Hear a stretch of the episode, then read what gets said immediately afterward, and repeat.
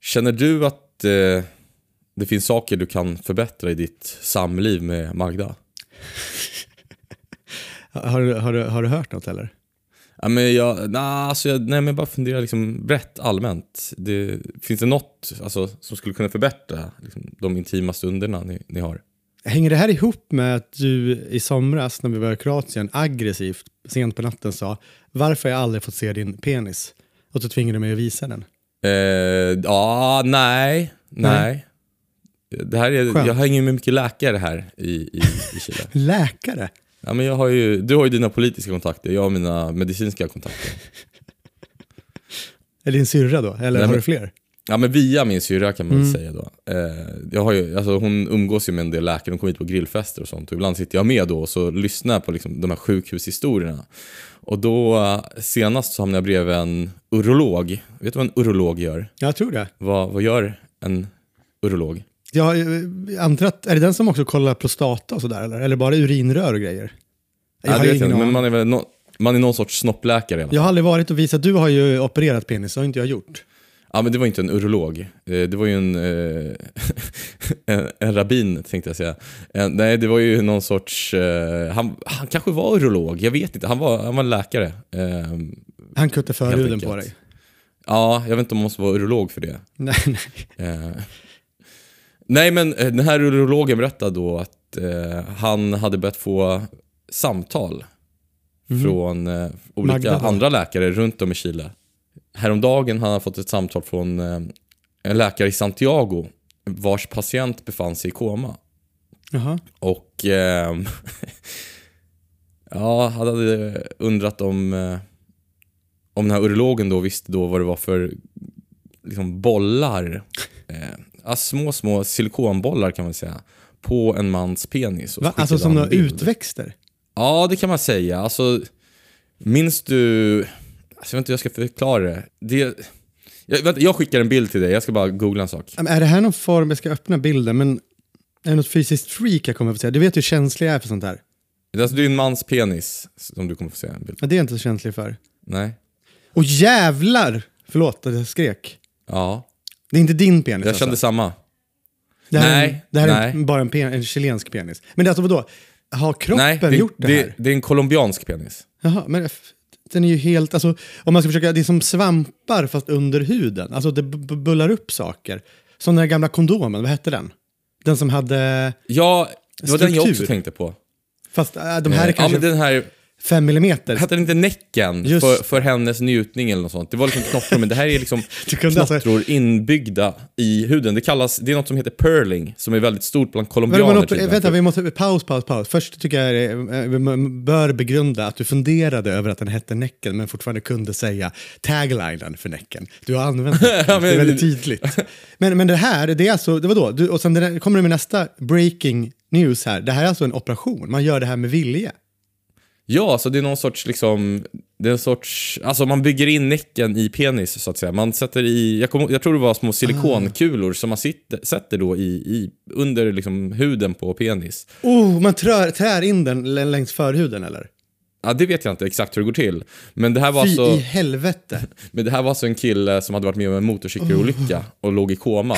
Eh, och så var han colombian då, för det är väldigt stort i Colombia. Och då hade de undrat så här, ah, vad, vad är det här? Hade de hört av sig då till den här, ja nu röjer jag etniciteten på den här läkaren, den här colombianska läkaren. Som då eh, introducerade mig för begreppet. Som då drog fram sin egen penis och visade, ja ja, det, det är en sån här bara. Nej, men då, då berättade han att det, det där är pearling. Det måste vara jättefarligt. Eh, ja, det tror Är jag. det kol- colombianernas svar på de, de här dåliga turkiska Brazilian buttliftsen? Ja, jag tror att de är världsledande i pearling. Mm. Kan vi fixa en rabattkod åt våra lyssnare? Jag ska kolla jag med den här det. urologen. Om, om ni är någon urolog som gillar att eh, köra in, jag kanske leka kulor också om det här inte funkar, ska jag testa det. Men en annan sak som är rolig att höra de här läkarna prata om, det är ju alltså, saker folk har kört upp i, i sina rövhöl. Men Är det på riktigt, gör folk det? Alltså jag förstår att de för, för upp så, men alltså det här antar jag är inte sexleksaker utan skrivare och sådär. Jo, men det är en- Fax.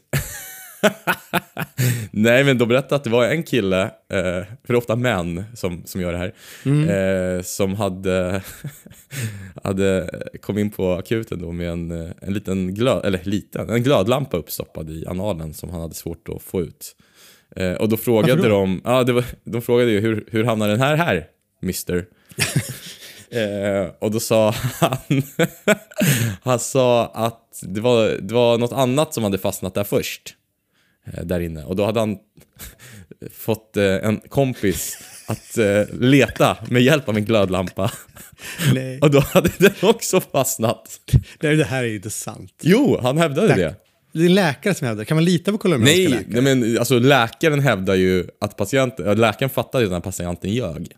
Det, det förstår du. Jaha. Men den kompisen, alltså det är mycket som är suspekt. Eh, Varför drogs kom varför, Vem var kompisen och varför gjorde han det här? Var det något så här mystiskt? Alltså för att inte, att inte outa sig själv som gay? Ja, kanske. Eller, var, kanske. Men det är som, eller fanns kompisen? Jag vet inte. Jag, alltså du, du har ju många låtsaskompisar som du brukar slänga dig med. Vem då? Eh, Viktor Malm. Det är liksom Som, som du brukar hävda att jag stal av dig? Lettic, Lettan, han på SVT. Lättad. Ja men du, det är liksom, ja, jag ska träffa Lettic nu säger du.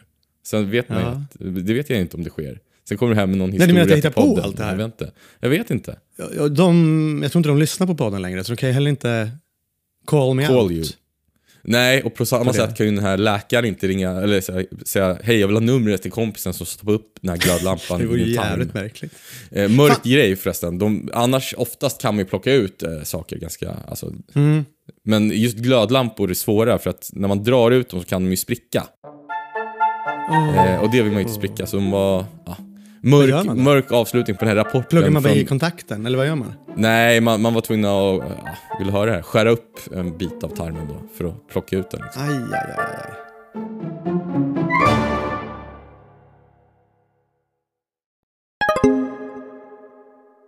Vi är sponsrade av våra vänner på Nextory igen, Pascal.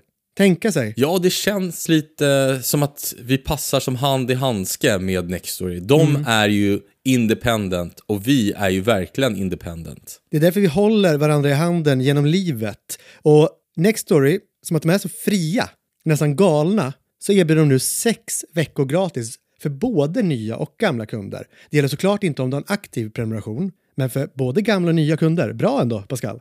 Har de en bok du vill tipsa om? Väldigt generöst. Ja, det har jag verkligen. Den här veckan har jag läst Don Winslows Muren hos Nextory och där kan man både läsa och lyssna på den. Och det rekommenderar jag alla att göra för att det är ja, men kanske den bästa thriller som jag någonsin läst slash lyssnat på. Är den högre än Samira Victor-boken du skrev där på en, en pisskvart? Den du vann Nextory-priset för. Nej, Det var för X jag vann Nextory-priset. Du menar den mest fängslande e-boken 2023? Den kan ni också lyssna på, alltså Samir och Viktor på Nextory. Sex veckor gratis för både nya och gamla kunder. Och ni hittar erbjudandet på nextory.se Pascal Johannes. Tack Nextory! Vi älskar er, Nextory. På tal om låtsaskompisar, var det inte någon... Vem var det som hade en låtsaskompis som du brukar berätta om? Du brukar slänga dig med en historia när du blir full. Ja, just det. Eh... Den är svår att berätta, för man måste eh, säga ett ord man inte får säga. Vänta, hur var det? Men om man inte... Det är kungen. När kungen var liten, han var väl en ganska ensam kille. Alltså, inte, som man är väl när man är kung. Man, man springer inte ut på gatan och leker med, vilka hade jag? Eh, Johnny Eldstål och, och eh, Sär-Johan som var på min gata. Kunde. Johnny. Eldstål, vilket jävla namn. Jag älskar honom redan. Vad är han idag? Eh, eh, oklart. Han har väldigt starka händer. Jag träffade honom för några år sedan. Då, då knäckte han nästan min hand när han skakade den. Ja, Han hur var kommer min det sig? finaste vän under uppväxten. Varför hade han så starka Eh, händer? Alltså hade han alltid haft det? Eller tränade han händerna Han för att var bli extra box, han stark? tränade väldigt mycket. Okej. Han hade en enorm penis. Okej, Kan kul. jag säga det här? Stackars Johnny. Eh, han hade inte behövt purling alltså? Eh, nej, nej, gud nej. Gud nej. Eh, men, men, men, men kungen i alla fall, han var ju ensam. Han hade inte Johnny Eldstål med penisen.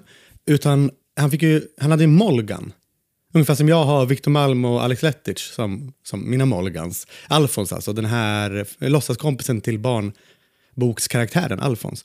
Och då skapade kungen en vän som följde honom genom livet. Och den här vännen, så fort kungen hade gjort något hyss, när han varit dum, busig, då skyllde han på den. Då sa han, det var inte jag, det var n-ordet. Det var alltså det han hade döpt sin kompis till. På riktigt? Jaha, vänta. Ja. Först måste jag bara fråga, eftersom du kollade min story, hur, hur vet du det här?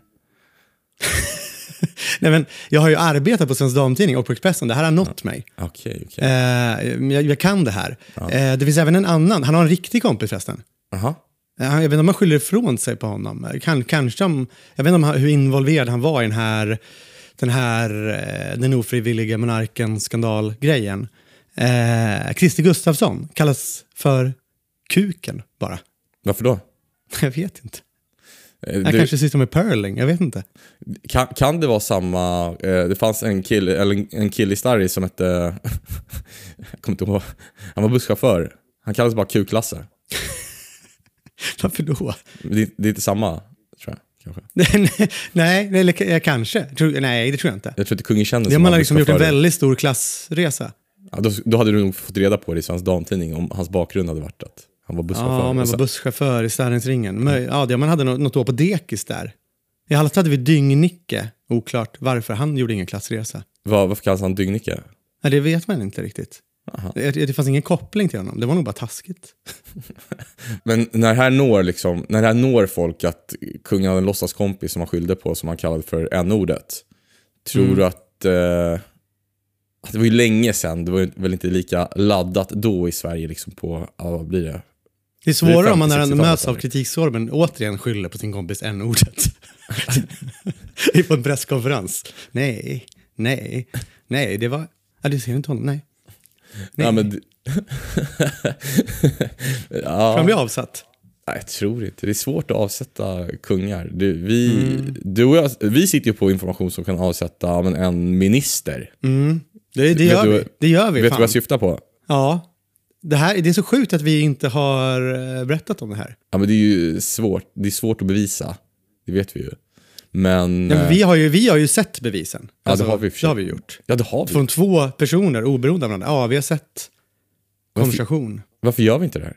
Ska vi göra det då? Ja, men, ska, det- ja, men det är alltså Men under... berätta vad det här. Ja, jag får göra det. Under eh, pandemin, just Mm. innan vaccinen hade börjat spridas till de breda folklagren. Ja, jag tror inte ens det fanns i Sverige. Det var, veck det var några veckor innan. Eller, när, vi visste att vi skulle få vaccin, men det var väl typ så här, det visste vi kanske sex, sju veckor innan. Ja, men det var ju de här, ja, det var den här stora liksom, planeringen. Det var, någon, det var ju någon som satt med ett Excel-ark och liksom, i alla fall ja, på något sätt delade upp folk i vilka som var viktiga och vilka som var oviktiga, så att säga. Tror du, kungen fick, eh, tror du kuken fick vaccin före? Tror Ja, han utnyttjade kontakterna med kungen? Ja men möjligt, för det var just det som hände med, med det här. Det är, alltså, ja, det är en minister, det kan vi säga, som eh, erbjöd, Som inte är okänd, skulle Nej. man säga. Det finns Nej. många ministrar. ja, som erbjöd ja, men vissa kompisar helt enkelt eh, vaccin. Ja, kända kompisar. Ja, kända kompisar. Eh, och kanske okända också. Men vi fick ju se ja, men två av varandra oberoende så att säga konversationer där den här ministern då erbjöd eh, kompisar vaccin innan de skulle vaccineras. Och det var inte så att de här Ja. kompisarna hade någon samhällsnyttig funktion om man säger så, eller? Nej- och det var heller inte så att det formulerades som att det skulle vara någon del i någon form av informationskampanj, som då hade man kanske köpt det. Utan det var bara, eh, tja, ska, inte du eh, dra och vaccinera dig med mig? Exakt. Och de här Eh. personerna som vi fick det från sa ju nej då. För de reagerade väl på det, det, det lite, lite märkliga att man utnyttjade sin makt till detta. Verkligen. Men du, jag kan utnyttja min makt på ett annat sätt. På vilket sätt då? Vad har du för makt? Ja, men jag känner ju den här urologen som kan fixa purling åt dig. Kan jag få det innan du når Sverige då? Jag och kuken går att göra i så fall, direkt. Och alla mina låtsaskompisar. Malmen och Lettich. Nej, Malmen har nog redan gjort, han är en föregångare.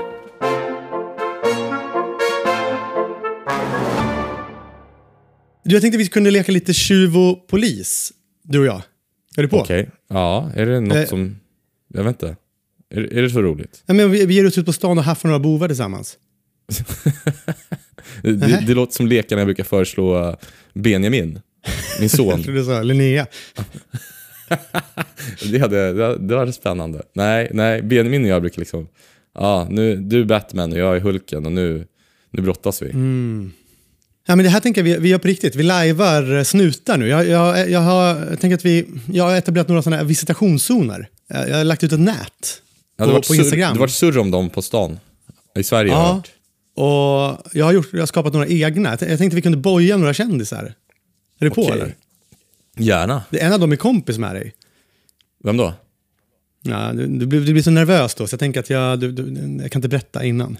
Nej, okej. Nej, det- nej. Men först tänkte jag att du skulle få lyssna på en grej, Pascal. Well, the pressure's down. The boss ain't here. He got north for a while. Känner du igen den här låten? Eh, jag känner igen rösten framförallt. Det är Bob Dylan. Jag känner inte igen låten. Ja, men den heter eh, Sweetheart Like You.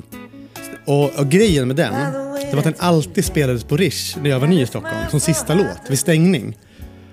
Och ja, vi ska hoppa fram lite till, till slutet. Det är ett otroligt solo där.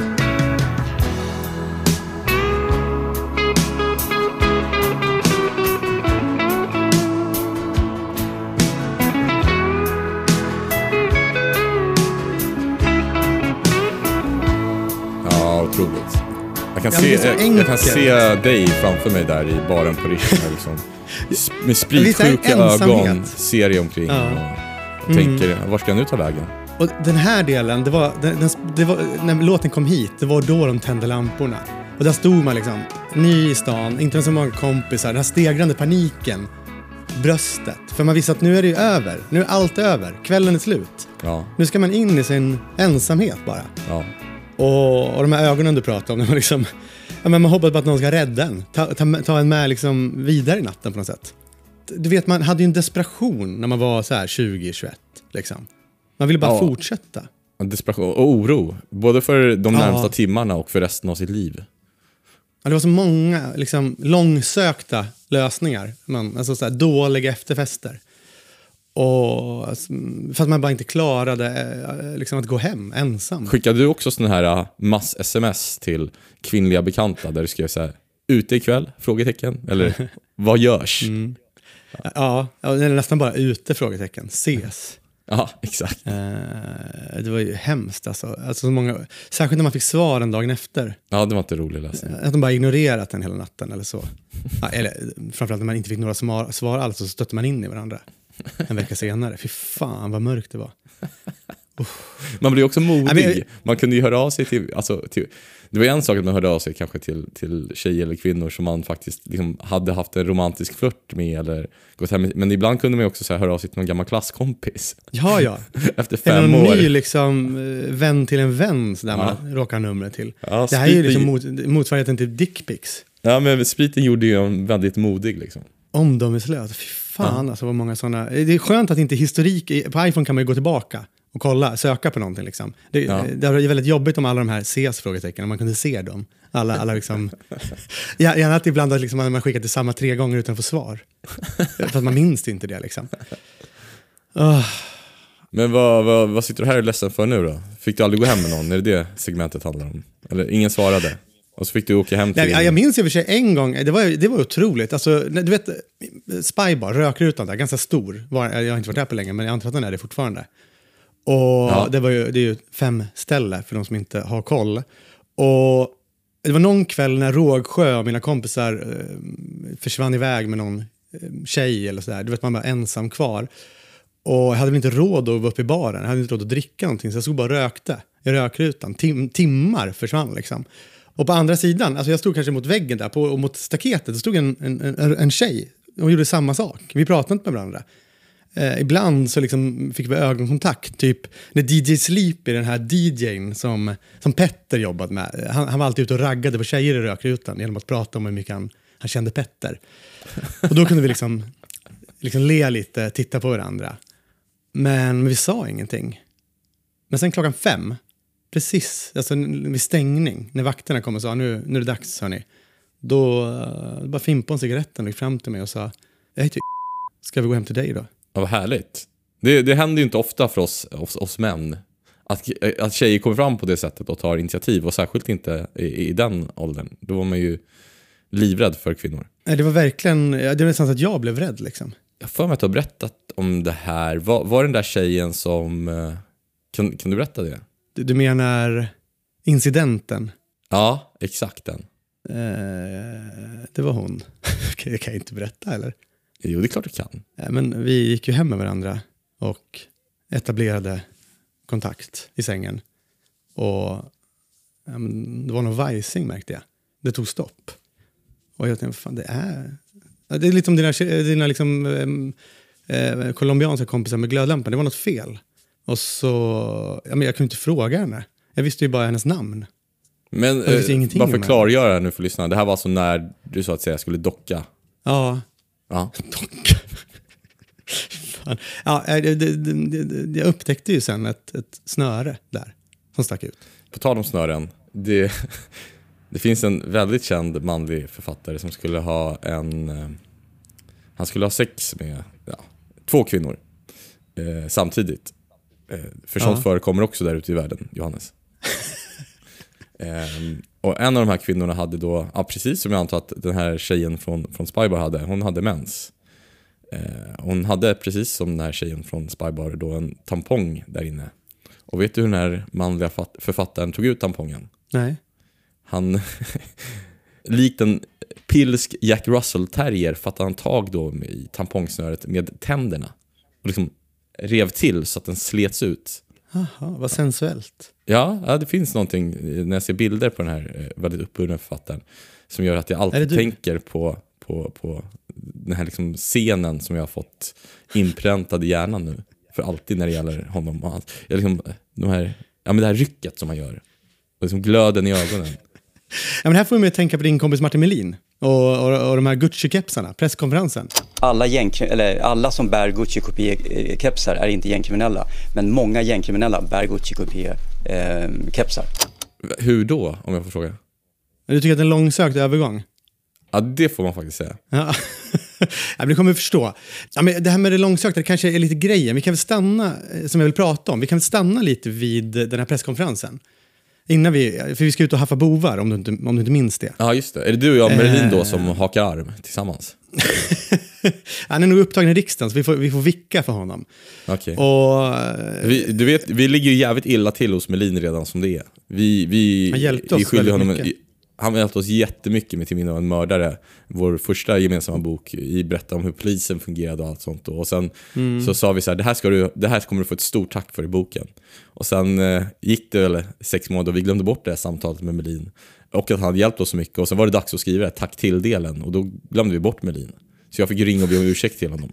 Men eh, ja, så vi skyller honom mycket. Men du, du ska, ja, du kör på. är det därför jag vickar för honom nu? Du och jag på stan. Patrullerar. Vi kan väl förklara ifall, ifall någon som har missat vad, det, vad den här liksom visitationszonen innebär. Det är ju att man får, alltså, nu får man ju visitera personer då utan misstanke om brott, till och med barn. Liksom, för att de har en suspekt Ja, exakt. klädstil. Eh, vad, vad tycker du om det egentligen, Pascal? Du hade ju Becknarväska väldigt länge. Ja, jag hade kunnat bli visiterad. Den var från Patagonia i och för sig, inte från Haglöf eller något sånt. Eh, nej men alltså jag tycker att det är... Kritiken mot det här är väl att det är, finns mycket kritik mot det, men alltså polisen får i stort sett visitera vem som helst eh, just nu, även med väldigt, väldigt vaga misstankar om brott. Så jag vet inte hur mycket det här kommer hjälpa, men eh, ja, det är, det, det är väl det som liksom diskuteras och baksidan är väl att ja, med killar med ja, men framförallt invandrarbakgrund kommer stannas och visiteras väldigt mycket eh, uteslutande på grund av att ja, men de har invandrarbakgrund och klär sig på ett visst sätt. Vilket Ja, någonstans det- inte liksom, går ihop med någon sorts liksom, demokrat, demokratiskt samhälle om vi ska vara helt ärliga. Nej, och det är nog eh, ett ganska bra sätt om man vill få människor att inte känna sig som en del av sitt nya samhälle. Ja, det, det kan man säga. Ja, men det här är ju egentligen, eh, känner du till broken windows theory? Eh, nej. Nej, men det, det är en sociologisk och, och liksom en, en, en, en teori som man kan liksom applicera i polisarbete. Eh, på, I korthet, det heter ju broken windows theory för att det handlar om, liksom, om, du, om du i samhället visar saker som är eh, trasiga. Alltså, ser du graffiti på vägg så kommer du tagga den här väggen själv. Alltså måla graffiti själv. Och, eh, Ja, just det. Just det. Ser du trasigt fönster så ja, då är det här övergivet. Då kan du gå in och stjäla, sabba mer etc. Och ur ett polisperspektiv, då är ju tanken att okej, ser du en trasig baklampa på en bil, då ska du stanna personen direkt. För då kommer du hitta fler vapen, rattfyllerister. Alltså, du kommer, genom att ta alla småbrott, alltså att man går, går mot rött, eh, genom att städa bort liksom, det som i teorin då kanske kallas för antisocialt beteende, så kommer man att minska brottsligheten. Typ. Exakt. I New York, 90-talet, eh, så infördes ju det. Rudy Giuliani. Det var väl han som Exakt. blev liksom ansiktet utåt för det. Precis, han var ju då eh, borgmästare och eh, han och polischefen så, eh, drev väl igenom det här. Och, och alltså brotten gick ju ner markant. Alltså både för mord och rån och snatteri. Allt. Och det här, Ja, men jag har också att man som- diskuterar, alltså man, man har Mm. diskuterat också om vad det var som var orsaken till det, för det var också så att man i, på 70-talet då genomdrev liksom, eh, libera, mer liberala abortlagar, vilket gjorde att även kvinnor, Mm. ganska fattiga kvinnor som, eh, som kanske skulle ha svårt att uppfostra sina barn, ehm, ja, trygg miljö. i en trygg miljö faktiskt gjorde abort. Så att liksom antalet killar, för det är företrädesvis eh, unga killar som begår brott, eh, fakt- i de här, liksom, ur den här socioekonomiska gruppen markant sjönk.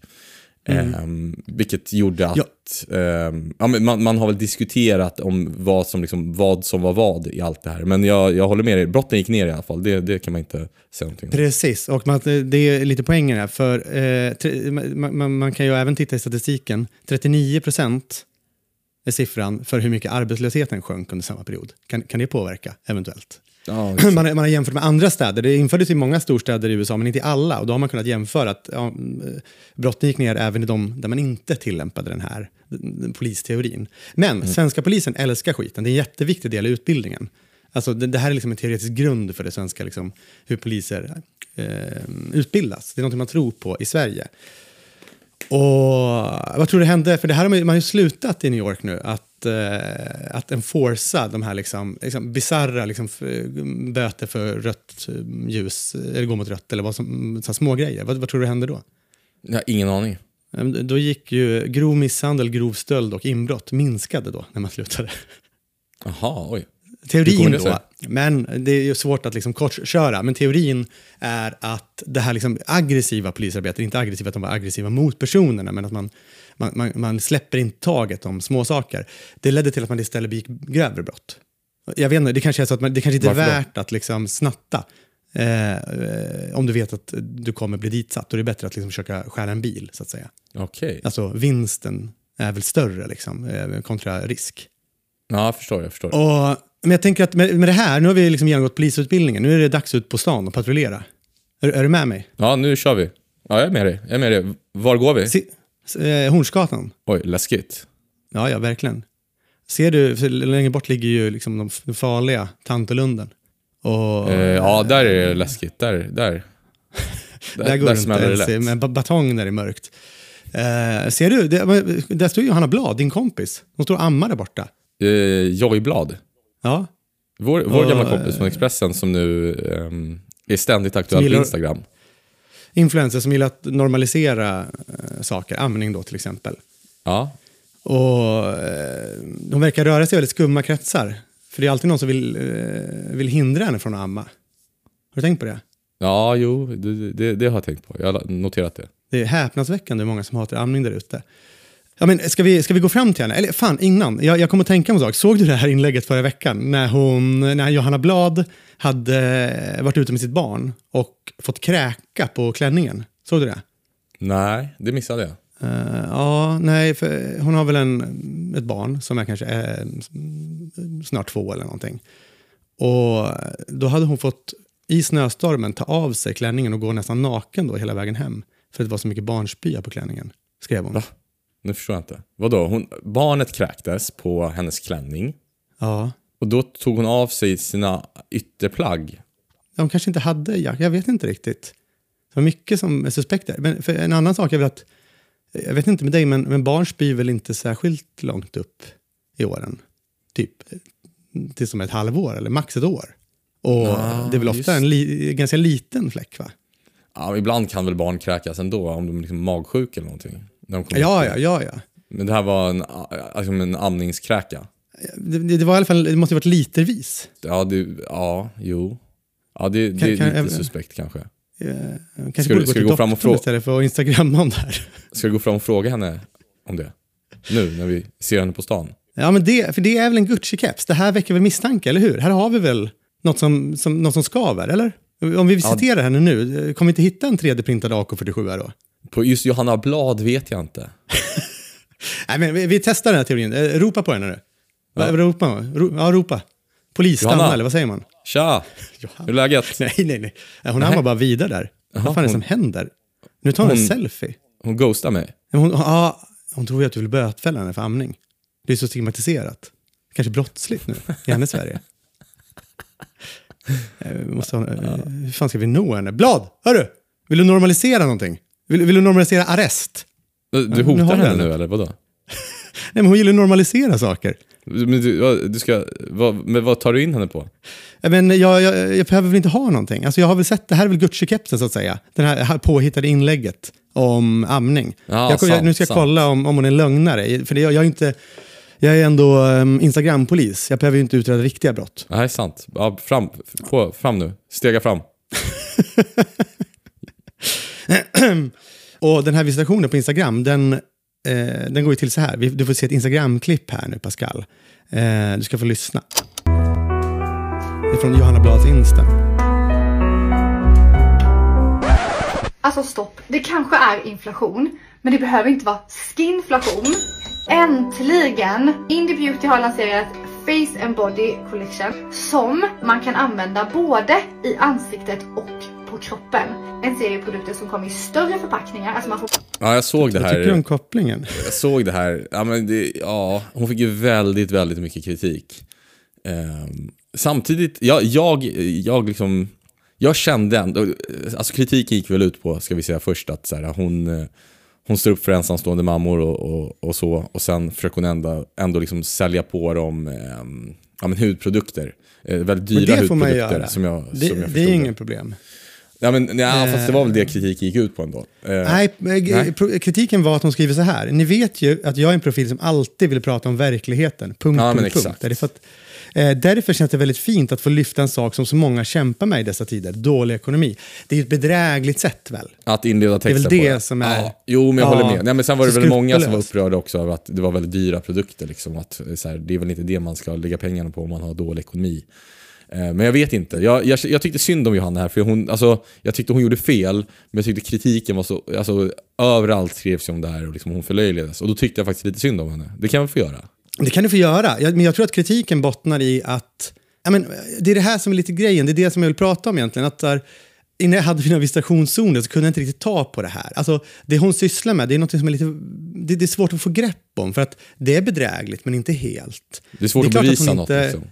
Ja, det, är- det är klart att hon inte har eh, gått hem naken i vintern för att ett barn kräks litervis. För att det gör väldigt få barn väldigt sällan.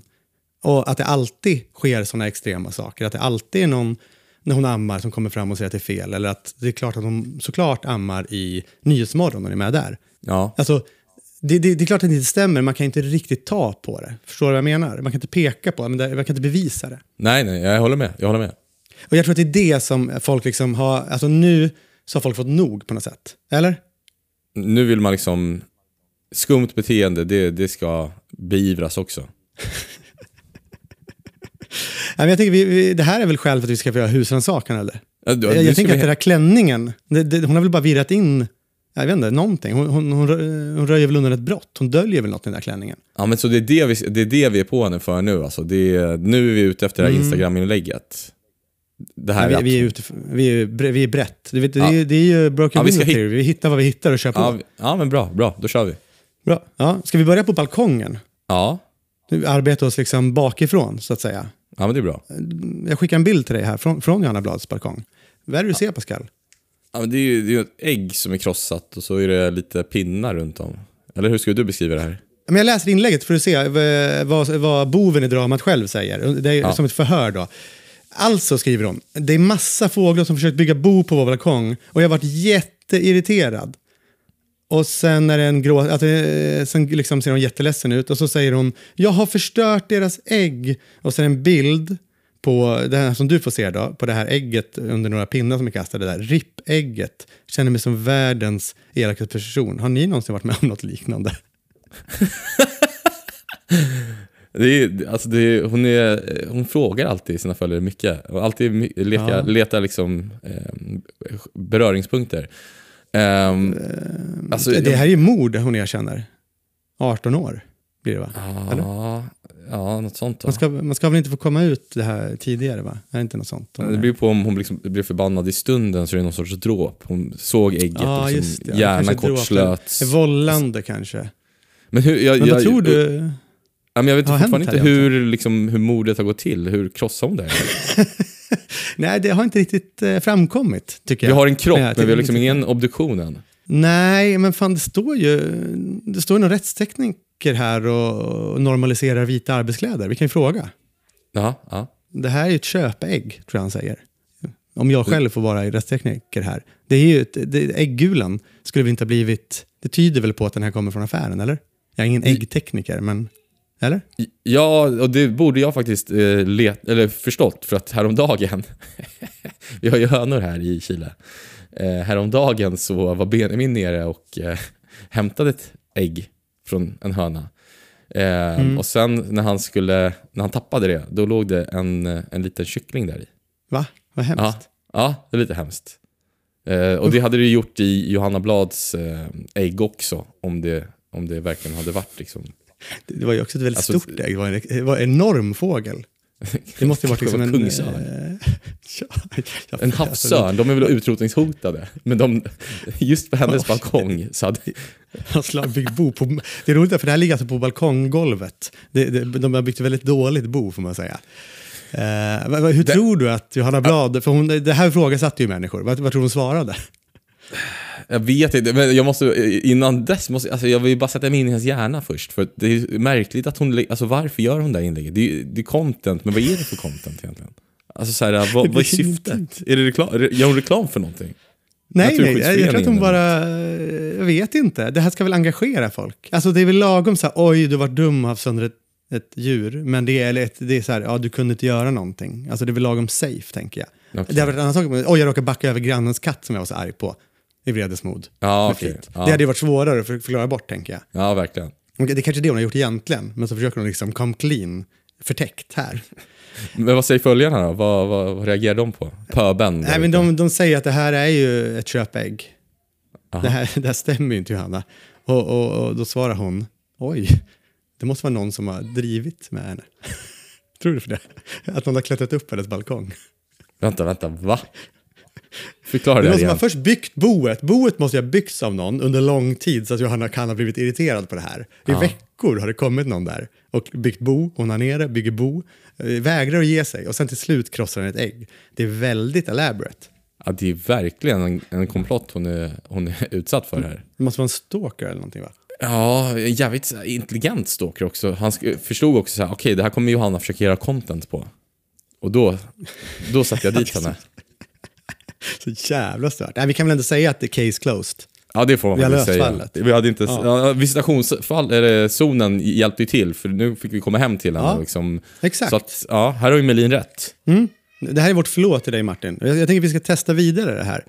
Om det, om det är något skrik nu i bakgrunden så tror jag att det är min son som har kommit hem som varit borta. Okej. Vansinnig verkar han vara. Jag, jag tror att det som stör mig med det här det är ju att, eh, att, vi liksom, att människor låter henne eh, bedra dem på det här. För man kan ju inte tro på det här. Ändå köper man narrativ. Det är ju väldigt, hon, har ju, hon är ju jättepopulär. Och sen gör hon ju vissa saker som är bra också, alltså såklart. Men det, det här står ju i vägen, det här skymmer ju, det grumlar ju, för man kan inte lita på henne. Det är väl det som är problemet, eller? Ja, det får, man, det får man säga. Sen, det finns väl...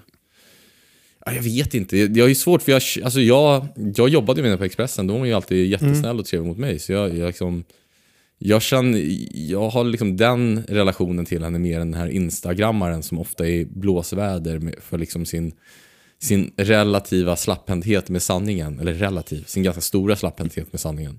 Nej men precis, alltså, nu pratar vi ju inte om henne som människa, alltså, nu pratar vi om henne som eh, alltså, publi- publik, alltså, precis som att vi får kritik för våra böcker så att säga. Det har ju inte så mycket med vilka vi är att göra. Alltså, Vem har kritiserat vi oss för våra böcker om jag fråga? Vem är, vem, Med horungen. Eh, Ska vi kanske visitera den jäveln? Nej, tyvärr har jag ingen. Nej. Jag, jag, de är döda för mig. Jag låser in dem i, liksom, lång, i liksom ett fack i hjärtat, eller mm, utanför hjärtat och glömmer de här människorna som har kritiserat oss. De får aldrig nå mig igen. Men, eh, ja, men för, alltså det, för det här beteendet, eh, det ser man ju överallt, det här liksom bedrägliga. Jag vet inte, såg du den här, såg du Putin-intervjun, eh, vad fan heter han, Tucker Carlson gjorde? Den här Ja, två timmar långa. Tänkte du, har du någon gång försökt spola i den när, alltså, eh, för att hitta någonting, som jag gjorde idag? Nej, men jag har så dålig uppkoppling. Det Jag satt liksom sent på kvällen här i Chile och försökte se den. Jag såg första en och en halv timmarna. Jag spolade i och för sig i början också, de här historielektionerna inom citattecken som Putin bjöd oss på.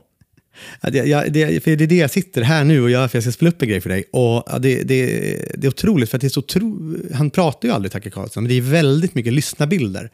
Och eh, förmodligen för att då kompensera för att han inte får prata, så det ser ut som att han liksom arbetar, att han gör sitt jobb. Och, men man ser också den här stigande paniken. Det är som att han liksom han sitter och kniper där, som att han liksom har, eh, har ätit en dålig chicken Kiev precis innan en inspelning. Jag- Han jag tyck- lider liksom. Ja, men jag tycker också hela, hela den här grejen som när Tucker Carlson då för att liksom dagen innan gjorde någon påa vid eh, Kreml. Och, Just det. och sa att eh, han är den enda liksom, västerländska journalist som försökt få eh, Putin att, att ställa upp på en intervju. Och Exakt. ja, det, men det, alltså, och folk, så gick jag igenom då kommentarerna under det här Twitter-inlägget, X-inlägget där han skrev det. Och folk tror ju på det här. Det är så, det är så jävla stört. det är bisarrt. Det är helt bisarrt. Förutom möjligtvis Kim Jong-Un är det väl den person som får flest eh, längre, intervjuförfrågningar, måste det väl vara. Ja, det tror jag. Eller som folk he, liksom helst vill ha i en intervjusoffa just nu. Ja. Han, han är lite vad liksom. Laila Bagge var 2009. När hon sålde flest lö, löpsedlar i, i Sverige. Under eh, hennes tid i Let's Dance. Ja, ja det, det skulle man kunna säga. Nej, men, och jag, jag kan också liksom bli irriterad på att den här intervjun får, får liksom orimligt mycket skit av något slags liksom, eh, politiska skäl. Alltså man får väl också köpa Tucker Carlson för vem han är. Eller? Alltså att han ljuger och bedrar, det kan man väl kritisera, men att han man, man får ändå, man vet ju vad han går in med för ingångsvärden. Att han har eh, ändå eh, försvarat Putins agerande och sådär, eller? Ja, absolut. det, det blir så liksom politiserat. Men, men jag tänker, det kan vi ta en svensk kontext här. Eh, där du kan få se något liknande, det här jättelånga Putin-svaret som är liksom helt sinnessjukt. Och, och i, i fler, det här är alltså intervju 30 minuter i SVT med Ebba Busch eh, och där hon blir intervjuad av Anders Holmberg, heter han va, programledaren? Ja. Ja, och det är flera gånger hon står för den här typen av Putins-svar. Hon bara maler på över hans frågor. Och, och, men det, det är också det här, det som, jag, det som stör mig med Johanna Blads tillvägagångssätt, det här att man liksom inte kan riktigt få grepp om, om personen, om det den gör. Det är liksom som någon form av slug gaslighting, eller vad fan man ska kalla det. Som jag ju vet, eftersom att jag lever med en gaslightande tjej. Du ska få lyssna här när han eh, pressar Ebba Busch om hanteringen av eh, Sara Skyttedal och hennes SD-närmanden. Och det, det han pressar henne om det är alltså att, att Ebba Busch har kommit med ny information om varför, som, f- f- som förklarar Ebba Buschs agerande. Men, men hon vägrar då att berätta vad det är för ny information, vilket ju gör det väldigt svårt för någon att bedöma om det bara är påhitt, om det ens har hänt. Du ska få höra här. Är det relevant? Ja, det är det väl.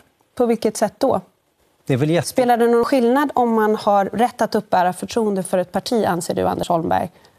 Eh, om man har sökt någon typ av kontakt med annat parti medan man fortfarande är Ja, det måste ni folkvald? avgöra. Det vi Och det är det vi har ut- gjort. det vi försöker reda det är det jag som vad som- partiordförande har redogjort Ja. för är partiets beslut i full enighet i partistyrelsen med stort stöd i partiet att så går det inte att agera. Och jag har redogjort mycket öppet och transparent, funnits fullt tillgänglig för SVT flera gånger att ställa de här frågorna. Och en del av de här kritiska frågorna kanske man borde ha passat på att ställa till Sara Skyttedal förra veckan när ni passade på att ändra tablån, avsätta ett helt extra program för detta, flyga ner till Bryssel och då inte valde att ställa de här frågorna. Utan jag har varit tydlig med man kan inte agera så här och samtidigt vara förtroendevald för, för Kristdemokraterna eller snarare vara toppkandidat för oss, för det är det vi har beslutat om. Jag hoppas att Sara Skyttedal ska fullfölja det mandat och den period som hon har kvar här under, under våren. Man kan och för oss är det viktigt att visa omsorg både för, eh, för henne men också för rörelsen. Det är verkligen som det här Putin-svaret, eller hur? Det bara tar aldrig slut, eller? Ja, hon maler på där, hon går till attack. Eh, Ja, men- och hon börjar gå till Ja, men- attack mot SVT. Eh, att de, de borde ställt Sa- Sara Skyttedal mot väggen. Ja. Det är så jävla speciellt. Vi vill lyssna lite till här. Man kan inte agera så här, säger du. Men frågan är ju hur du menar eh, att hon har agerat, som du fortfarande inte svarar på. Du svarar inte på vad det är för ny information ni har fått om, om kontakterna med Sverigedemokraterna. Vem är det som behöver skyddas här? Hon har ju varit ute och gett sin version, så att säga. Va- Varför berättar du inte bara vad det är för någonting som, som du anser att hon har gjort? Jag har redogjort för att hon har under tiden hon är i relation med Kristdemokraterna eh, sökt annan kontakt, annan typ av uppdrag. Ja, vi behöver inte lyssna på så mycket mer för att det framkommer kommer ingenting mer. Och ja, men Det som jag reagerar på det är, ju liksom, det, det är lite obehaglig stämning. Alltså hur hon styr narrativet genom att, som, som du var inne på, riktar in sig på SVT, vilka frågor de inte eventuellt ställde till Sara Skyttedal där hon inte var med, Ebba, det kan inte hon veta, veckan innan. Exakt. Och som absolut inte kan behandla den nya information som inte vägrar delge. Hon förvränger ju perspektivet och hon hon, hon med- medvetet eh, liksom, eh,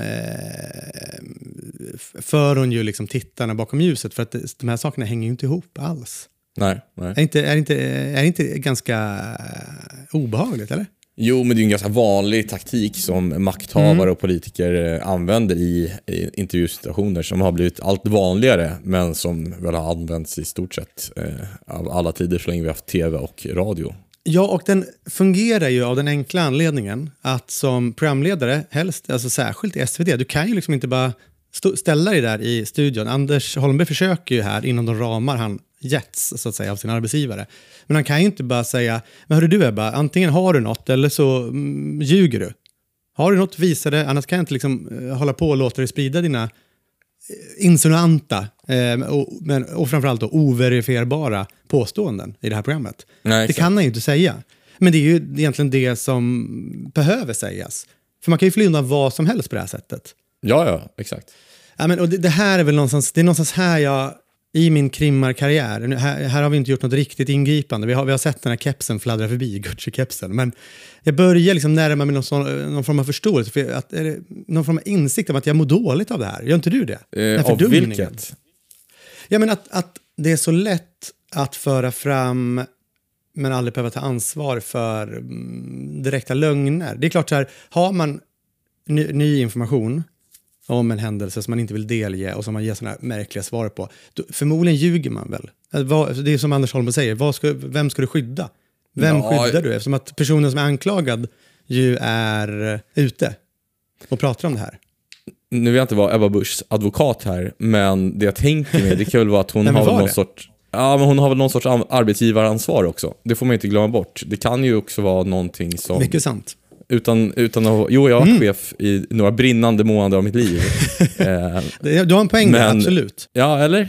Ja, alltså det, det, är ju, det är ju därför det blir, alltid blir väldigt, väldigt pro, eh, problematiskt när en känd profil får kritik som kanske går att härleda till någonting i den här kända profilens privatliv. Och det blir väldigt svårt då för en, säg en tv-kanal att kommentera detta. På grund av att den har ju liksom ett ansvar för den här eh, arbetstagaren och Exakt. den arbetsmiljö den befinner sig i. Men så ska man väl ändå säga att Ebba Busch har väl ändå också haft en tendens att, att kanske, det, det kanske inte just arbets, liksom, miljöansvaret hon är mest känd för, utan kanske för att hon ändå är eh, ganska, ganska systematiskt ändå vänder och vrider på saker eh, till sin fördel på det här sättet. Det, väl, det var väl fog att misstänka att det kanske inte stämmer, eller? Ja, alltså jag kan inte ta gift på att Ebba Busch eh, känner ett stort arbetsgivaransvar här och därför, därför jag. Försöker bara, jag försöker bara nyansera bilden. Det gör du väldigt bra, min, min kära krimma-kollega. Jag tänker att vi ska, nu ska vi ta något riktigt svårt här. Nu ska du få bita ett svårt fall. Det sista som polis. Oj. Ja, men innan jag säger något om det här så behöver jag säga två saker. Eh, det är känsligt ämne vi ska prata om här. Och innan någon jävla Dylan-nörd eller någon som har eh, på annat sätt noterat detta påpekar att låten, Bob Dylan-låten jag hade i början, att den eh, faktiskt är Bob Dylans uppgörelse med den kristna kyrkan och att han, eh, liksom, det är där Bob Dylans kristna period slutar och att han på den här samma skiva har en låt som eh, politiserats nu senaste månaderna och även han fick Nobelpriset. Ja, men eftersom att den är, ses som ett dunderförsvar av Israel som stat. Du snarkar, jag vill bara säga det så jag inte får dessa dåraktiga mejl om att jag inte fattar. Jag orkar inte det. Och nummer två saker jag vill säga, och det är poängen här. Kan du berätta vem Per Westberg är? Per, är det han som var... Nej, det är Olle Westberg tänkte jag. Han som har varit chefredaktör på DN eller Expressen eller båda tidningarna eller någonting. Per Westberg är väl... Är han liberal? Nej, ja, jag vet inte. Är den här gamla moderata talmannen? Nej, Bengt är det va? Nej, det är ju Bengt Westerberg. Det är ju Folkpartiets gamla ledare. Ja, just det. Just det. Ja, Men Per Westberg, författare. Han är med, eh, ledamot i, i Svenska Akademin. Ja, ja, ja, den, den Perra. Ja. Tungt, får man säga, eller hur? ja, ja, verkgen. Vilken kille. Har du läst någonting av honom? Eh, nej, jag är obekant med hans eh, verk. Har jag missat något? Eh, jag vet inte om jag har läst honom heller. Tror han har läst oss? jag har svårt att tro det. Alltså. Jag- Han hatar också burkini, vet jag. Jag minns en text han skrev när burkini var på modet. Inte på modet att ha, bära då, men att skriva texter om. Och eh, I motsats då till männen som Johanna Blad, eh, när hon solar topless, då är det ofta män som kommer fram enligt hennes uppgifter och ber henne, eller män, kanske inte är människor generellt, som säger eh, att de ska skyla sig, klä på. Men det, det säger inte Westberg då, han, han är emot burkinin. Okej. brinnande hat. Ja. Jag kanske säger ta av dig trosorna också, jag vet inte. Ja, han, han gillar inte för att kvinnor, inte ska, sk- sk- kvinnor ska inte skyla sig. Nej, men han jobbar ju med ord, det är väl det som jag far efter det här. Han, måste, han förstår väl ord, eller hur? Han, han är ändå med och delar Men det, ut Nobelpris. det får man hoppas. Och jag tänker att vi behöver etablera det här i början, innan vi pratar om det vi ska prata om, alltså Israel-Palestina då. Och han, om man har ett jobb som hans, då måste man väl förstå att det finns en, liksom en relation mellan ord och kanske en historisk kontext eller relation till någonting annat. Eh, att ord, ett inte så farligt ord, vi, vi sa n-ordet tidigare, det, det, kan, det, kan, det kan ju fyllas, har ju till exempel fyllts med en mening som gör att vi inte använder det idag. Ja, Förstår exakt. Eller, man, får, man får ju använda det. Eh, absolut. Ja, men precis. Det Men, men det är ju ingenting eh, man generellt gör. Jag menar att ord kan ju, det är ju ett väldigt tydligt ord, men, men ord kan ju få, kan ju få konnotationer eh, som gör att de betyder något annat än bara ordet, så att säga. Eller? Det måste han vara med på. Ja, det tror jag. Mm. För jag tänkte på det när jag läste hans text om, eh, ja, men apropå att internationella domstolen i Haag och Sydafrikas anklagelse mot Israel om folkmord. Det, det har, du, det har swishat förbi Mm. Chile också va, på nyheterna. Och han skriver en text där han, det har, det har nått dig. Ja, men han skriver en text där han slår fast att det inte kan röra sig om folkmord. Eh, han kallar det för lite, eh, lite övervåld. Jaha, men han, Och- är, han är utbildad i sånt då, eller? Eh, ja, men det, Eller det är en lingvistisk diskussion då. Ja, men han, eh, han har ju en liksom, grunden han bygger det här på. Det är ju att för att det ska kunna kallas ett folkmord så, så måste det finnas liksom ett Handlingen ska vara liksom eh, utförd i avsikt, jag citerar honom nu, att förgöra helt eller delvis en nationell, etnisk eller religiös grupp som sådan. Alltså det är avsikten och det är därför han kan stödja sig på orden. Och jag vill bara stanna kort vid att han också kallar det faktum att anklagelsen tagits upp i Haag för en propagandaseger för Hamas. En terrorrörelse som snarast själv kan anklagas för folkmordsblad. Tycker ändå att så här, han reducerar det här ganska mycket till ett politiskt spel. När han pratar om propaganda. Och det är väl en distans han markerar där till det faktiska som händer, eller? Ja, en perspektivförskjutning eller vad man ska säga. Ja, Eller förflyttning Eh, rättare sagt. Ja, men ju mer jag liksom tittar på den här Baylan-bilden, jag tycker liksom att det framträder en liten, jag vet inte, är det en Gucci-keps eller en sån boy-keps som Ek har som sitter på sniskan? Är det så? Är det? Får, får, får man visitera folk i boy-keps? Jag, du får fråga Melin, men det borde väl vara okej. Caps som caps, tänker jag. Oklart. Keps som keps. Ja, men den är eh, kanske mer kopplad till hbtq-communityn då möjligtvis i, i England. Men, men vi, vi, eh, de här instapoliserna vi är, mediepoliserna, vi får visitera vem som helst. För jag tycker, så här, det, det är liksom, jag tycker det är lite grumligt det här. Jag, jag tycker att precis som med Ebba Busch, precis som Johanna Blad, så är, det finns något vi inte riktigt kan ta på när jag läser den här texten. För efter att han har etablerat vad ett folkmord är, så skriver han Begreppet eh, folkmord innebär att judarna betraktas som de nya nazisterna, skyldiga till mänsklighetens värsta brott. Skulle domstolen uttala sig om Israel som folkmördare menar jag att det vore ett ödesdigert utslag av antisemitism, skriver han. Jaha, Och hur får han ihop det? det, det är så mycket tycker jag i den, de två meningarna. Alltså, dels är ju Israel en stat. En stat måste ju kunna liksom kritiseras oavsett religiös inriktning, eller? Det är väl ingen naturlag att just Israel inte kan begå folkmord. Nej, det får man säga. Det får man säga. Alltså, Sverige är inte kända för folkmord i eh, modern tid direkt, men, men eh, det skulle ju kunna ske även här.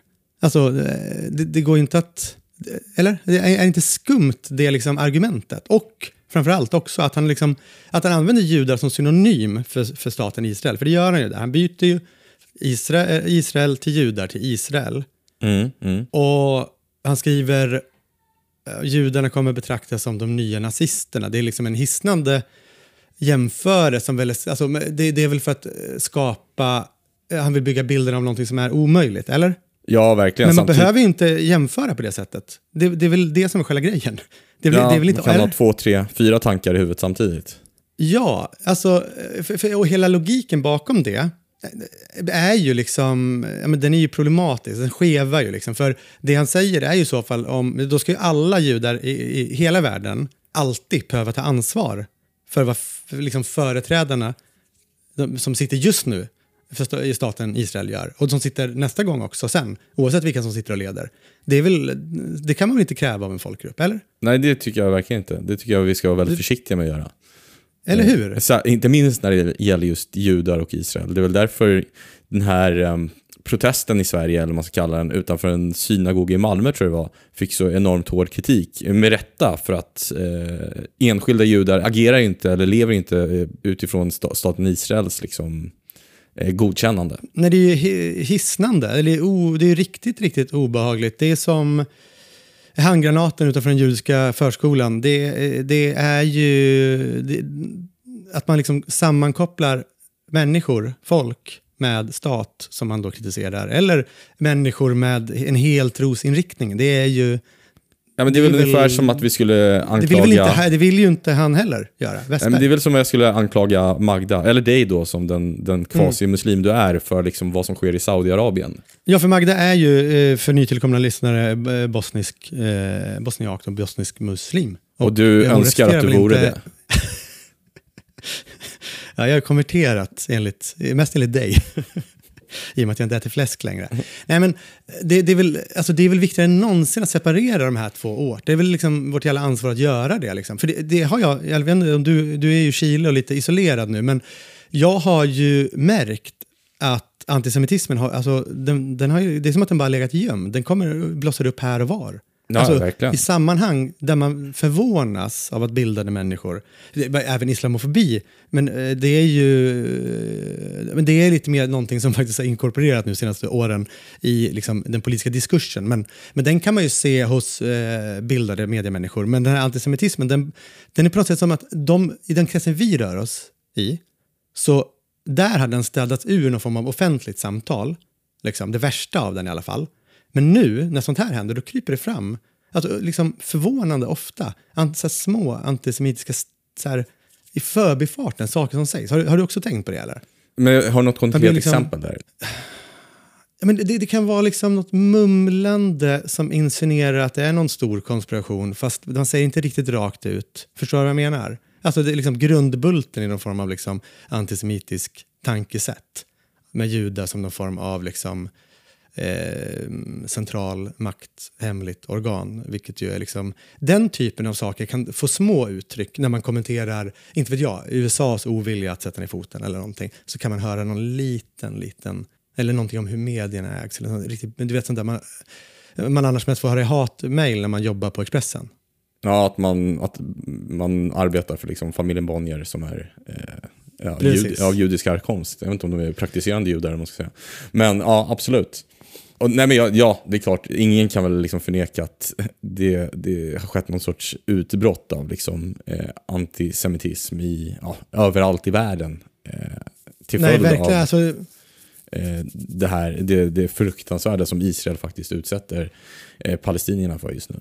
Ja, och jag tänker, för om vi, om vi tänker oss på Per Westberg som en man som kan ord och som då slå fast att det, det, det har, på grund av vad liksom, eh, Israels avsikt, vad de har sagt då, men måste han ju bygga det på, så kan det inte röra sig folkmord. Så tänker jag att vi ska, vi ska ta en titt på vad det är som har sagts. Och jag ska också säga, man kan ha vilken åsikt som helst i själva sakfrågan. Man kan tycka vad man vill om Israel och Palestina, grundfrågan. Inte om det som händer nu det, det handlar inte om det. Det vill jag ändå understryka. Det här handlar om att, och det behöver inte vara liksom Westberg heller, utan det bedrägliga tillvägagångssättet som vi, liksom, hela vårt offentliga samtal, något sätt, tyvärr, eh, eh, färgat av. Och, men, men jag läser då, eh, jag, jag, läser då, och vissa har ni säkert hört, andra inte, men, men vi, vi, vi, vi behöver ändå liksom refresh our memories. Då är det talmannen, då vice talmannen i, i Knesset som är företrädare för det alltså partiet som, eh, det styrande partiet, alltså Netanyahus parti. Eh, han, han, säger då, eh, Israel har ett enda gemensamt mål, att radera Gaza-remsan från jordens yta. Vid alla tillfällen utvisa alla. Låt eh, egyptierna ha dem. Något sånt säger han. Eh, om ni gillar dem så mycket. Och en annan minister, kom ihåg det här är ministrar, det är inte random politiker, föreslår att man ska släppa en atombomb över Gaza. Eh, för det finns ändå inga civila där. Inte några i alla fall som inte varit inblandade i det här. Och försvarsministern vill slåss mot mänskliga djur och agera därefter arméchef, det kommer inte finnas något vatten, elektricitet, det kommer bara finnas förödelse. Ni vill ha helvetet, ni kommer få helvetet. Och sen har vi Netanyahu själv som, som använder ett, ja, ett, ett bibliskt liksom, eh, referens. Eh, you must remember what eh, Amalek, eller som man uttalar has done to you, says our holy bible. We do remember. Och den här liksom, analogin, det är... Ja, men i, alltså, i, Amalekiterna är israeliternas återkommande fiende. Och budordet som han syftar på här det är att amalekiterna ska förgöras. Då. Mm. Och om man läser det här... Så går ju inte Per Westbergs liksom, argumentation ihop riktigt. Nej, alltså det är möjligt att en jurist, jurist eh, Malin Persson Giolito lyssnar ju på podden, hon kan, hon kan höra av sig om hon inte har tröttnat på oss redan. Och eh, alltså, att, det, att det går att argumentera vi, vi, är ju inte jurister, men jag menar, man kan nog inte så lättvindigt, det, alltså det är ju inte Vesper heller, slå fast vad jag vet i alla fall, eh, slå fast att eh, det absolut inte finns någon avsikt. För jag menar, vad nämns Hamas i de här citaten? Och visst, det är klippta citat från en snuttifierad nyhetsrapportering, men det är ju ändå, det är ju Gaza som ska raderas ut. Ja, ja, verkligen. Och är det inte liksom ett ganska tydligt drag av avhumanisering i de här orden ändå? Jag tänkte om Kristersson hade pratat så här. Om finna, finnarna som råttor? Eller vad, mig, vad, ja. vad han skrev? Vad var det han sa? Det var någon som sa något där. Eh, mänskliga djur. djur. och det, vi agerar ja, därefter. Ja, om vi, ja, nej, det hade ju varit, vi hade ju lyft på ögonbrynen så att säga. Ja, vi hade det va? Alltså, och, och liksom själva argumentet, ja, men, så här, det finns inga civila. Det säger att alla är med på det här. Alla ska kastas ut. Eh, eller falla offer för en atombomb. Det är ju liksom, hur kan Per Westberg inte förstå de här orden? Nej, jag håller med dig. Han vet väl vad de betyder. Och jag vet, inte, jag vet man inte varför han inte ser det då. Är den där boykepsen, sniskan, är det den som är liksom i vägen, skärmen? Nej, men det är just det här, att det liksom inte riktigt går att ta på det. Alltså, det är så effektivt att skriva så här. Vi vet att det finns någonting annat där under, men vi kan inte peka på det, eller? Ja, alltså, fast här pekar vi på det. Det går ju att peka på det. Vi har ju faktiskt det som Nej, men Varför? Vad det han egentligen säger? säger? Säger han att eh, palestinierna inte är värda bättre? Vad är det han säger egentligen? Om man så enträget kritiserar och kallar det antisemitiskt om, om då domstolen skulle slå fast det här. vad, vad menar han med det egentligen? Alltså, förstår du vad jag menar? Ja, nej, jag tycker inte det går ihop han, det, det han skriver. Nej. Nej. För, han skriver ju liksom väldigt fint längre ner i texten. Så till något personligt och kanske irrelevant. På, på mödernet hör jag till en judisk släkt. Jag minns andra världskriget. Och sen berättar han vidare om sin morfar som, eh, som hjälper eh, anförvanter, det är närstående. Eh, jag är inte med i akademin som han, så jag är dålig på ord. Eh, från från S, liksom, eh, att ta sig till Sverige från ja. Hamburg för att komma undan SS-patrullerna. Han bekostar resor då. Och han sätter fingret på något, alltså han skriver väldigt fint där. Deras vänner och släkt försvann i förintelsens våg utan att förstå varför just de, varför några alls, skulle pekas ut som jordens överflödiga. Det minnet lämnade de aldrig i deras nya hemland. De ställde den eviga frågan varför just vi? Ja, det, går ju, det kan nog finnas några kvinnor och barn i Gaza som, som ställer sig just den mm. frågan också. Tänker jag. Ja, ja, och jag har ju en kvinna här hemma, Magda, som ja, men när granaterna började falla vid Jajece, hennes hemstad i Bosnien, då när kriget kom, ställde sig den frågan. Varför vi? Varför gör våra grannar så här? Vi, vi levde ju vid sid, sida vid sida alldeles nyss. Liksom. Och jag antar att det är några killar i Gucci-kepsar som kommer ställa sig den kommande år. Ja, det, det får, kan man tänka. sig. som, som, som bara farten åker med på en visitation eh, och, och stigmat det skapar. Jag menar, eh, det kan ju leda till att du inte får jobb, för det är en misstanke som folk kommer se det här. Liksom. Det får man ändå ha med sig. Ja, men det, och det är väl det som är det grumliga med Westbergs text. Att så här, den här, det han visar här, den här liksom otroligt fina empatiska bilden, den kan han inte applicera på de liksom, ja, nästan två miljoner människor är på flykt va, i Gaza. Eller som är fast i det här helvetet som de ju trots allt inte har bett om, trots vad vissa företrädare för Israel säger. Och som nu ställer sig samma fråga. De, ställer, de frågar varför just vi? De, de frågar säkert också, vad är min, så här, kommer jag få tag i någon diabetesmedicin? Eh, kommer jag någon gång få leva, drömma? Vad är min bror eller min farmor? Eh, kommer jag få se min son igen? Kommer vi komma hem eller kommer vi mm, ställas mot en vägg av två instapoliser i mm, Tensta för att vi har fel kläder? Eller? Det är väl Ja, verkligen. sorgligt bara.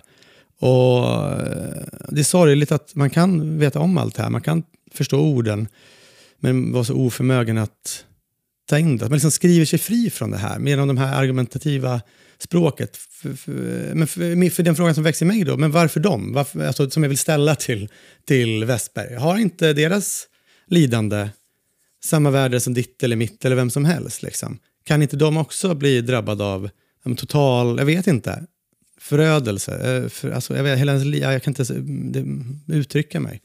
Va, eh, hur, hur kan inte det ha ett värde? För, undrar inte du, vill inte du ställa samma fråga? Jo, eh, det är klart. Alltså man ser ju ja, men det, det här samtalet från den lilla flickan när hon liksom ber någon komma och hämta henne och sen hittas hon död. Eh, den palestinska flickan då. Eh, Jag kommer inte ihåg om det var, eh, var på gas, eh, i Gaza eller på Västbanken. Men jo, det är klart, det är ju det är ett mänskligt lidande som går liksom bortom all, all förståelse. Och eh, ja, Ja, och ja, men jag, när, när jag läser den här texten, jag har väl glömt bort att jag är krimmare nu i den här berättelsen, men så eh, ja, men jag har väl släppt de här, liksom, mina, mina arresteringar som du och jag är ute och gör. Eh, istället så, jag sitter i soffan, och jag, mm, Magda sitter bredvid mig. Jag tänker på varför vi. Jag tänker på vad, vad hon kände när akademin delade ut Nobelpriset i litteratur till Peter Handke. Hur kände du till honom för några år sedan?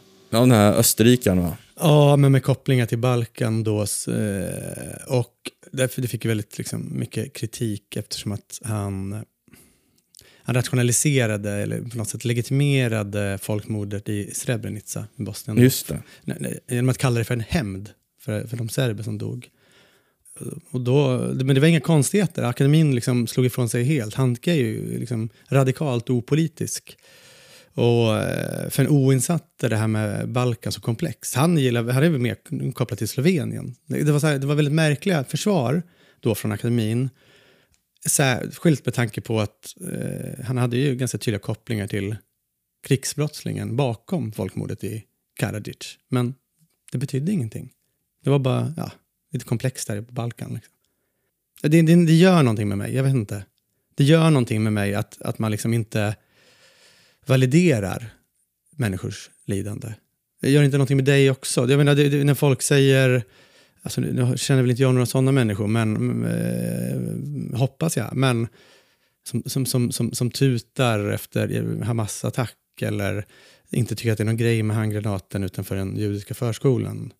Likväl som att det liksom legitimerar den här Handke uttalandet. Jag vet inte, det är, det är för mig... Det är för mig eh, det är, jag, jag, kan inte, jag kan inte förstå att man kan, kan göra det. För det, det säger att du, du ser på människor, på, du, du ger olika värde till olika personer, grupper, vad det nu råkar vara. Ja, men så är det ju. Och det är ju det, eh, det är liksom mänsklighetens stora eh, risk och det som har liksom skett genom historien när man, när man separerar på liksom människors värdet i människors smärta eller tragik beroende på vilken ja, folkgrupp de tillhör helt enkelt. Ja, det är så farligt och för mig är det så tydligt när jag sitter liksom för så här är det varje kväll. Alltså när jag läser det här och när jag kommer gå ut härifrån efter vi har poddat så kommer Magda sitta där i soffan som hon gör varje dag. Tyst och med blicken fastnitad i tvn. Hon, hon har gjort det redan sedan invasionen av Ukraina och hon, hon gjorde det när liksom Hamas slog till mot Israel och hon har gjort det liksom under hela det här efterföljande katastrofen. Och de här bilderna av liksom döda, skadade som filmar förbi, desperata, hela liksom raserade sjukhushus, allt. Och, och Magda som sitter där i soffan, liksom, hon genomlever ju samma krig som hon flydde ifrån. Om och om igen bara. Det är bara samma scener som upprepas. Hon, hon är här i, vår lägenhet, i soffan.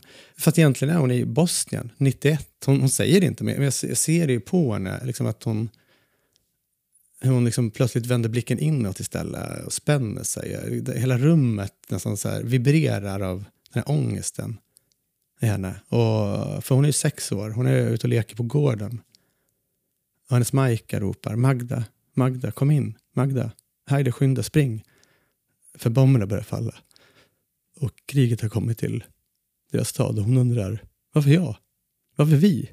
Och jag ser Dino, jag vet att Magda också ser henne på golvet. Liksom. Han leker med någon docka och mumlar som han gör nu. Han pratar att jag vill ha den lillebror. Din också bror. Och han ser, ser han också tvn.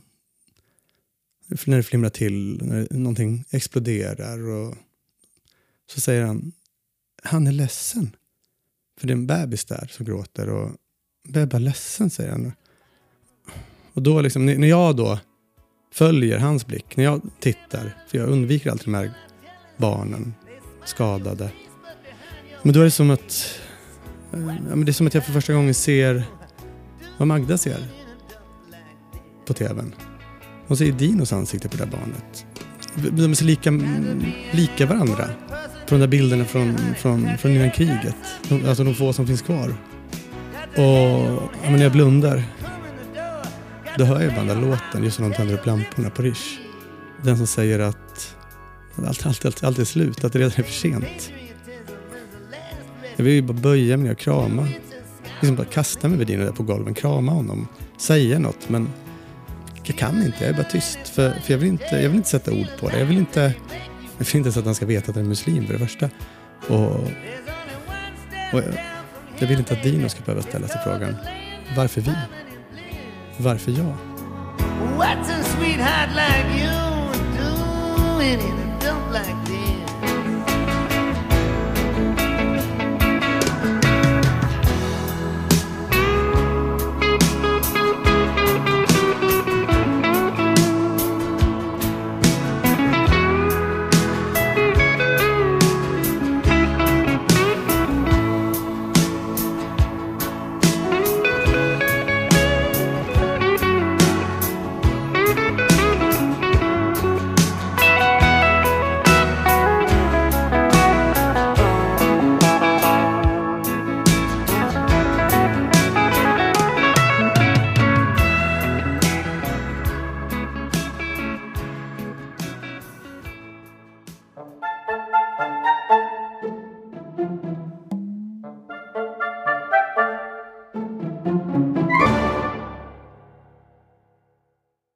du vem Henrik Brandao Jönsson är? Oh ja, vill jag säga. Men jag vet inte egentligen varför. Eh, och jag vet ingenting om honom. Jag har bara bilder av honom som en glad jävel. Ja, ja, jag tror det. Eh, han ska ju nämligen komma hit till Chile för att intervjua mig. Han är alltså eh, Dagens Nyheters Latinamerika-korrespondent, men han gör även jobb för andra magasin. Eh, så han ska intervjua mig för Vi läser, detta fantastiska magasin. Så han ska flygas hit då från, från Rio eh, de Janeiro, där han bor, eh, och stanna här i två dagar och eh, ja, Va? hänga med mig. Du skojar? Nej. Alltså, vadå, han ska bo hos dig? Nej, han ska bo på ett eh, hotell här i närheten. Ja. Eh, och sen ska vi, ja men han ska väl följa med mig. Eh, Men det här, är ju, det här måste ju vara något, liksom, någon setup. Alltså, de har ju hört om din, hund, din djurhållning. Eller? Alla de där hundarna som springer omkring och dör här och där. Liksom. du, med, du menar de hundar jag räddat från ett liv eh, på gatan? Men det, det är väl två som har dött på den här vintern? Och ändå är det lika många hundar på alla bilder. Ja, men då blir vi förgiftade av våra, av våra hundhatande grannar eh, i, grannbyn. Vilket jag tar ansvar för. Ja. Tänk- jag Nej, men jag, Brandao blir förgiftad, det vore inget bra. nej, det hade fan inte varit bra. Ja, men jag vet inte vad jag ska visa honom riktigt. Eh, av Men för du, ska alltså, du ska visa honom ditt Chile på något sätt. Ditt, din skrivarvärld. Ja, lite så. Eh, det, det händer inte så mycket här. Häromdagen var det en, eh, en pelikan i vår pool. Ska jag berätta om det kanske? Men, men det här är inte sant. Det är någon sån här Jonna Blad-story. Nej. Hade Okej, du sönder ägget också? Så Lägger den ägg? Pelikaner? Nej, nej, det var stor uppståndelse här. Barnen var väldigt eh, uppspelta. Det var alltså en ung pelikan som hade flugit fel. Eh, den hade liksom, istället för att flyga ut över vattnet eller säga, så har den flugit in över öknen där vi bor. Eh, och då Det såg är den ingen väl... ordning på någonting i Chile. Varken Nej. fåglar eller människor. Eller hundar. Nej, nej. Men då hoppade jag ner i vår pool och jag kunde inte få upp den. Jag försökte ju få bort den. Jag vill inte ha en pelikan i min pool. Det förstår du? Nej. Så den är Eh, kvar nu eller? Nej, den simmade runt där ett tag och liksom dök och hade sig. Alltså det var så att den tränade. Och då började jag först tro såhär, den här jäveln kan inte Men ni har flyga. inte fisk i poolen då? För det är väldigt äckligt vatten har jag sett. Jaha, Det är nej. grönt. Nej, Nej. däremot finns det några små insekter som, alltså otroliga insekter. Först, de, Mhm. de har stört mig alla år för de kan bitas lite. Det ser ut som små svarta skalbaggar som simmar omkring i poolen. Och först trodde jag att det liksom, ja men de var ofarliga. Sen började de bita mig ibland. Och tänkte de här jävlarna, det, nu är det krig. Eh, så då började jag fiska upp de här och lägga dem på marken. Och det visade sig att det här är alltså, alltså otroliga insekter. Kackerlackor. Ja, men alltså inte bara det. De, de är svåra att liksom mosa rent fysiskt. Men de är också... De kan alltså både simma, de kan springa och de kan flyga. För helt plötsligt när jag skulle liksom sätta min, min flip-flop eh, på, på den här jäveln för att krossa den, då bara bredde den ut på vingar och flög iväg. Det var... Kör en bil också. Ja, det, kanske. Det, ska, ska jag berätta för... Är det här, är det här bra? Tror du Brandao kommer gilla det här? Det här, det här, han vill ju se saker. Det här Ja. kan han ju ringa dig och få. Han kan lyssna på den här podden till exempel. Ja, ja sant. Jag, jag, jag, fotade inte pelikanen i poolen heller. Men har du ingenting, de här läkarpolerna, eller har du liksom ingen... eh, Jag vet ju inte vilka du umgås med i Chile, det känns inte som att du umgås med någon. Men de här påhittade läkarna då, kan inte de... Påhittade Kan läkare. inte, Bara be, be dem berätta. Jag hörde en annan historia häromdagen förresten. Eh, som jag också fick från en läkare. Min syrra i och för sig. Men eh, den... Eh, sj- sjukhuset här i Vainar har en... Alltså det är någon sorts liksom bajsgrop helt enkelt. Där all avföring från sjukhuset eh, liksom skickas. Och sen är det massa starka kemikalier såklart för att ehm, ja, för att neutralisera all, all jävla, alla bakterier och virus men som finns i det här vart, är det här? Utomhus bara liksom? Alltså ba, det är väl någon liksom nergrävd tank som ligger i närheten Mhm. av sjukhuset. Eh, Mm. Och sen var det två killar eh, som skulle ren... Jag, jag vet inte riktigt vad de skulle där och göra, men då, de hade någon sorts uppdrag eh, Mm. i det här i alla fall. Eh, och en av de här killarna då råkade ramla i.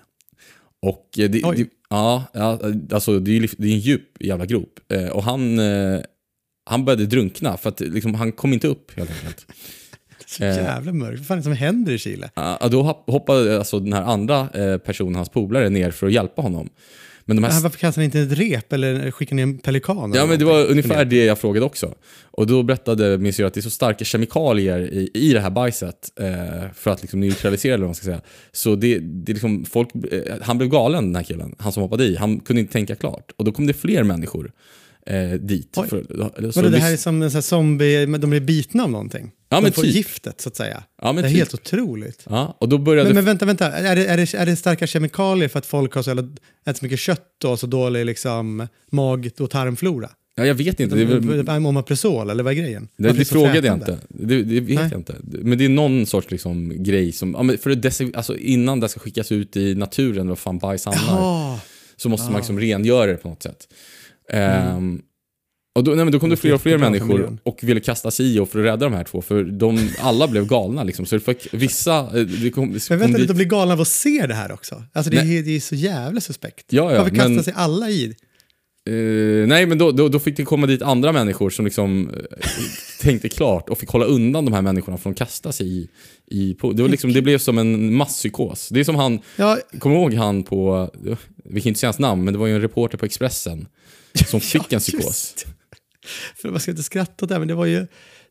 Ibland kan ju psykoser vara lite underhållande, alltså det som sägs under psykoser.